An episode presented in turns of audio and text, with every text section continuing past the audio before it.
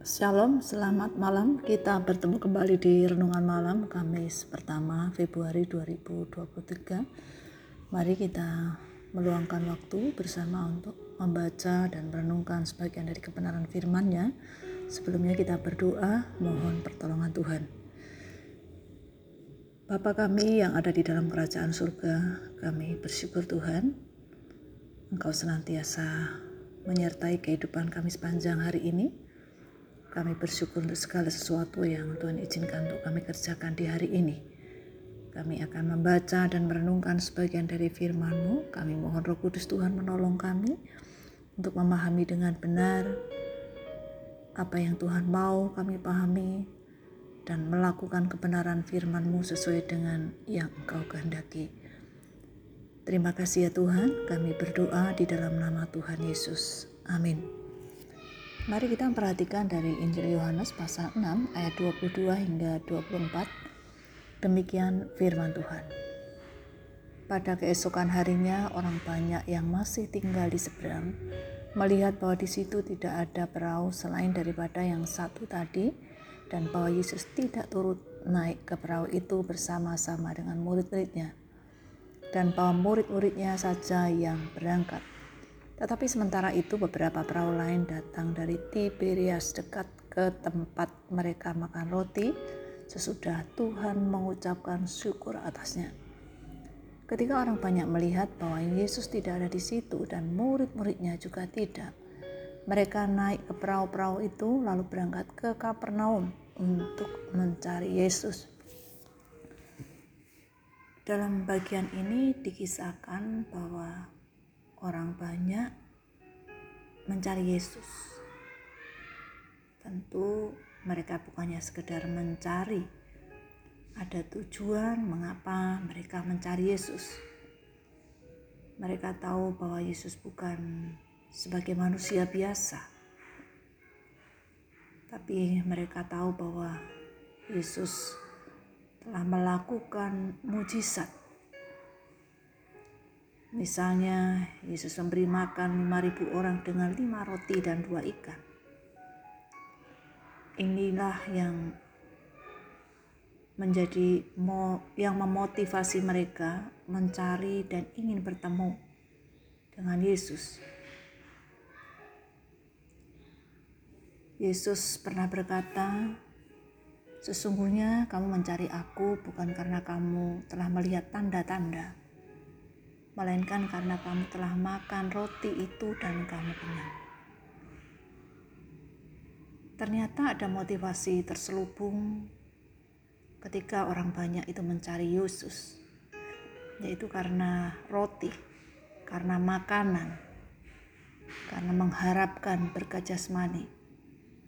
Mereka mencari Yesus tanpa memikirkan siapakah Yesus itu Hal ini mengingatkan kita, apakah motivasi kita benar ketika datang mencari Tuhan?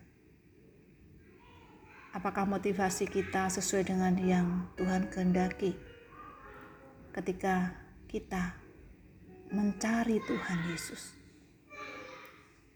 Ia tahu isi hati setiap orang.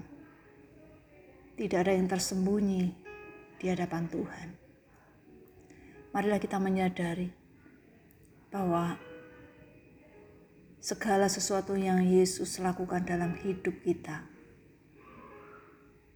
semuanya itu untuk kebaikan kita. Yesus adalah Allah yang sejati, sumber kehidupan, Allah sang pemelihara kehidupan anak-anaknya. Yesus adalah Mesias, Juru Selamat manusia marilah kita merenungkan bagaimana kita sebagai orang percaya selama ini. Apakah kita datang pada Tuhan karena kebutuhan jasmani atau karena motivasi-motivasi yang lain? Apakah kita sungguh-sungguh percaya bahwa Tuhan Yesus adalah juru selamat kita yang sudah datang ke dalam dunia ini? apakah kita sungguh-sungguh memiliki motivasi yang benar. Kita menyadari bahwa Tuhan sudah lebih dahulu mengasihi kita, melayani kita, sehingga kita datang untuk bersyukur kepadanya. Kita datang mencari Dia karena kita taat kepadanya. Kiranya Tuhan menolong kita semuanya untuk menyadari kita mencari Tuhan karena kita percaya bahwa Allah yang memimpin kehidupan kita. Allah yang menjadi juru selamat kita. Allah satu-satunya sumber pengharapan kita di tengah-tengah berbagai macam realita yang kita alami. Apa pun yang kita alami, kita tetap mencari Tuhan kita tetap setia kepada Tuhan. Mari kita berdoa. Bapa yang di surga, kami berterima kasih. Engkau sudah lebih dahulu datang ke dalam dunia ini, melayani kami, mengasihi kami, bahkan Engkau menyelamatkan kami.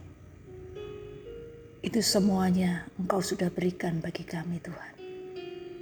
Tuhan, tolonglah kami agar kami menyadari untuk memiliki motivasi yang benar dalam pandangan Tuhan.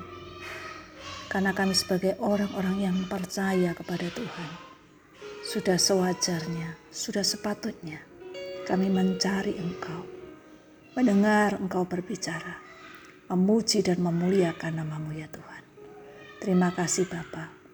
Ampuni dosa dan kesalahan kami Sekiranya dalam pandangan Tuhan ada motivasi yang salah dalam pandangan Tuhan ketika kami datang kepada Tuhan. Terima kasih kami bersyukur berdoa di dalam nama Tuhan Yesus Allah kami yang hidup. Amin. Bapak Ibu sekalian, selamat malam, selamat beristirahat. Tuhan Yesus memberkati. Amin.